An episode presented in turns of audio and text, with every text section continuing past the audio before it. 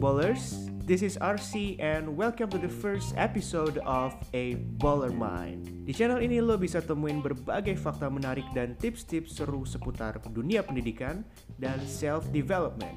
So, if you're a student, a college student, or simply someone looking for ideas to self-develop, then this is definitely the right podcast for you. Ini podcast pertama gue dan di episode kali ini gue akan ngebahas mengenai UN alias ujian nasional. Nah pastinya lo lo yang kelas 9 atau kelas 12 pada seneng kan karena nggak ada UN. Lu udah happy banget nih kalau ternyata UN itu dihapuskan satu tahun lebih cepat dari jadwalnya ya nggak?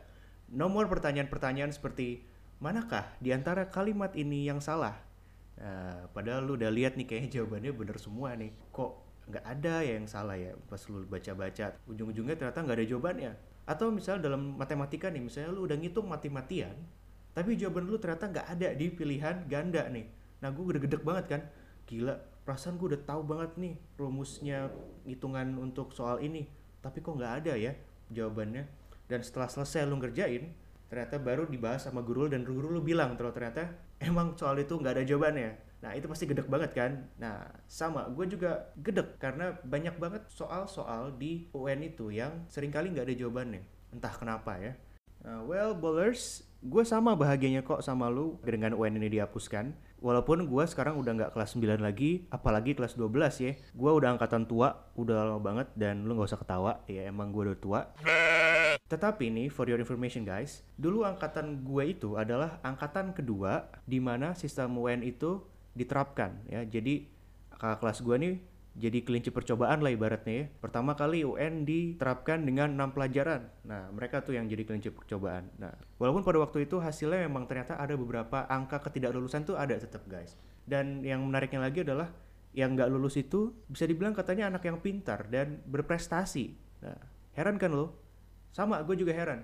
Dan itu yang bikin gue juga deg-degan karena waktu pas tahun kedua yaitu adalah tahun angkatan gue dapet UN eh, zaman itu fisika gue jelek banget ya bowlers. Fisika gue jelek banget. Gue waktu itu masuk IPA juga bukan mau mau gue masuk IPA gue disuruh sama nyokap gue nanti kalau masuk IPA kamu bakal bagus. Pas gue lulus apa bagusnya ya gitu. Ya. Nah jadi pada waktu itu di zaman gue bahkan UN itu enam pelajaran seperti yang gue bilang tadi tergantung lo ambil IPA atau IPS ya Nah, secara dulu gue ambil IPA nih, jadi fisika, kimia, dan biologi itu mesti gue telan semuanya. Nah, untung aja gue lulus ya. Walaupun dulu sebenarnya pun gue udah mikir nih. Nih, misalnya nih ya, kenapa gue bisa jadi nggak lulus hanya gara-gara gue lupa letak si kalsium itu atau nama dari kalsium itu di tabel periodik. Atau gue juga lupa misalnya nama latin dari tumbuhan jahe dan itu membuat gue nggak lulus ya tapi mau gimana lagi ya? Emang nggak ada pilihan gue pada waktu itu. Dan alhamdulillah hirubil alamin gue lulus. Walaupun fisika gue jeblok bowlers nah pastinya nih Mas Menteri Nadiem bukan tanpa alasan dong ya menghapus UN ya masa iya dia ngapus UN karena dia dulu lupa tabel periodik terus dia nggak bisa dapat nilai 100 terus kesel. Terus dia hapus tuh UN ya itu mah kalau gue yang jadi menteri ya.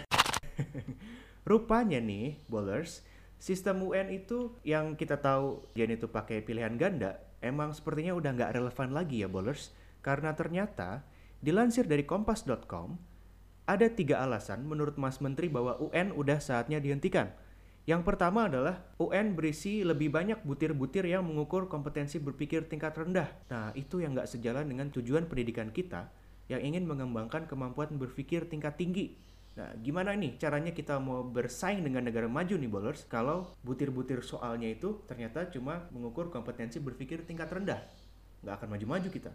Lalu yang kedua adalah Menurut Mas Menteri, UN kurang mendorong guru menggunakan metode pengajaran yang efektif untuk mengembangkan kemampuan berpikir tingkat tinggi.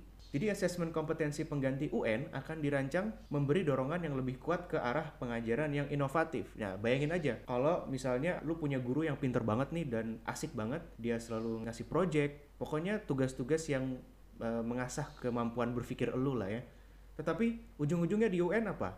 Ujung-ujungnya di UN adalah lu disuruh cap cip cup A B C D atau E mana jawabannya dan itu sangat sangat nggak relevan ya dan gue setuju banget nih sama Mas Menteri ya Bowlers bahwa kalau kita mau inovatif udah pasti nggak mungkin kita uh, bisa dinunjukin inovasi kita hanya dengan memilih A, B, C, D atau E. Nah, lalu yang ketiga atau yang terakhir nih bowlers, uh, dibilang juga bahwa UN ternyata kurang optimal sebagai alat untuk memperbaiki mutu pendidikan secara nasional.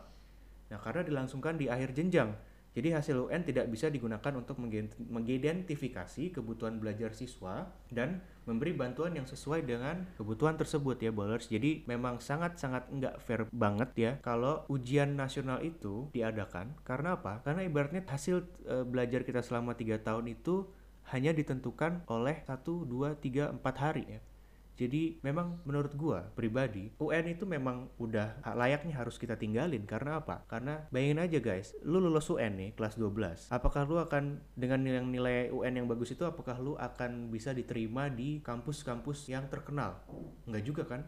Buktinya lu harus tes lagi yaitu seleksi penerimaan mahasiswa baru ya. Kalau zaman gue dulu bilangnya SPMB apakah ini bukan suatu bukti bahwa UN itu udah nggak dilihat lagi dan nggak dipercaya lagi bahkan oleh kampus-kampus yang ada di Indonesia guys? Jadi bowlers menurut gue hasil kajian dari Menteri Nadiem Makarim ini adalah baik sekali dan pandemi ini sepertinya membawa berkah juga ya untuk pendidikan kita bahwa ujian nasional penghapusan ujian nasional dipercepat menjadi tahun 2020 so bowlers the question is apa pengganti dari ujian nasional kali ini? Sudah ada juga nih titik terangnya ya. Jadi sebagai bagian dari rencana pengganti ujian nasional, ada yang disebut dengan asesmen kompetensi minimum dan survei karakter.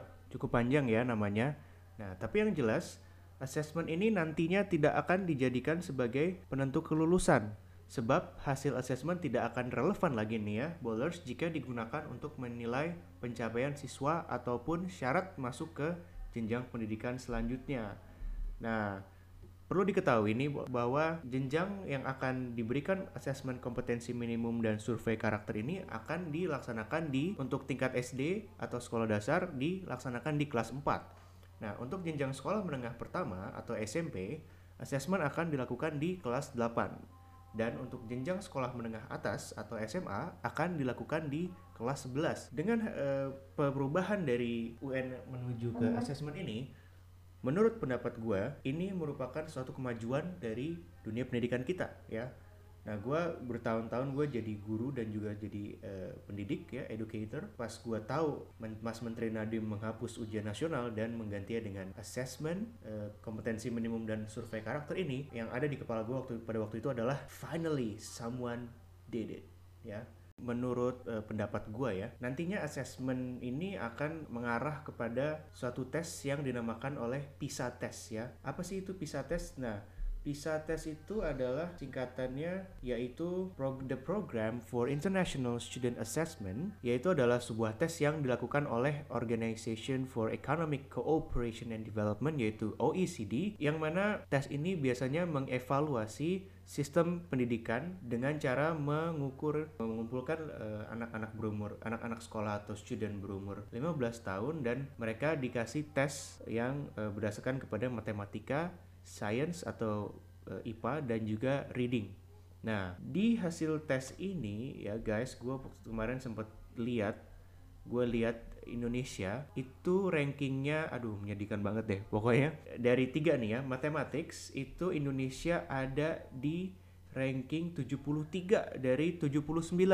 Nah lo ya, sementara untuk reading itu Indonesia ada di sama 73 juga dan untuk math eh sorry untuk science Indonesia ada di peringkat ke 71. Nah, jadi bisa dibayangin sendiri ya bowlers bahwa memang harus ada perubahan yang dilakukan oleh pendidikan di Indonesia. Seperti apa perubahannya? Nah, I think the deletion of ujian nasional is a good start and I think we should wait for another big start yang harus dilakukan di dunia pendidikan ya. Kita lihat bagaimana nanti ke depannya. Gua sangat optimis bahwa Indonesia akan mempunyai pendidikan yang lebih baik dengan sistem assessment ini. Nah, bagaimana dengan lo balers? Apakah lo setuju dengan gua?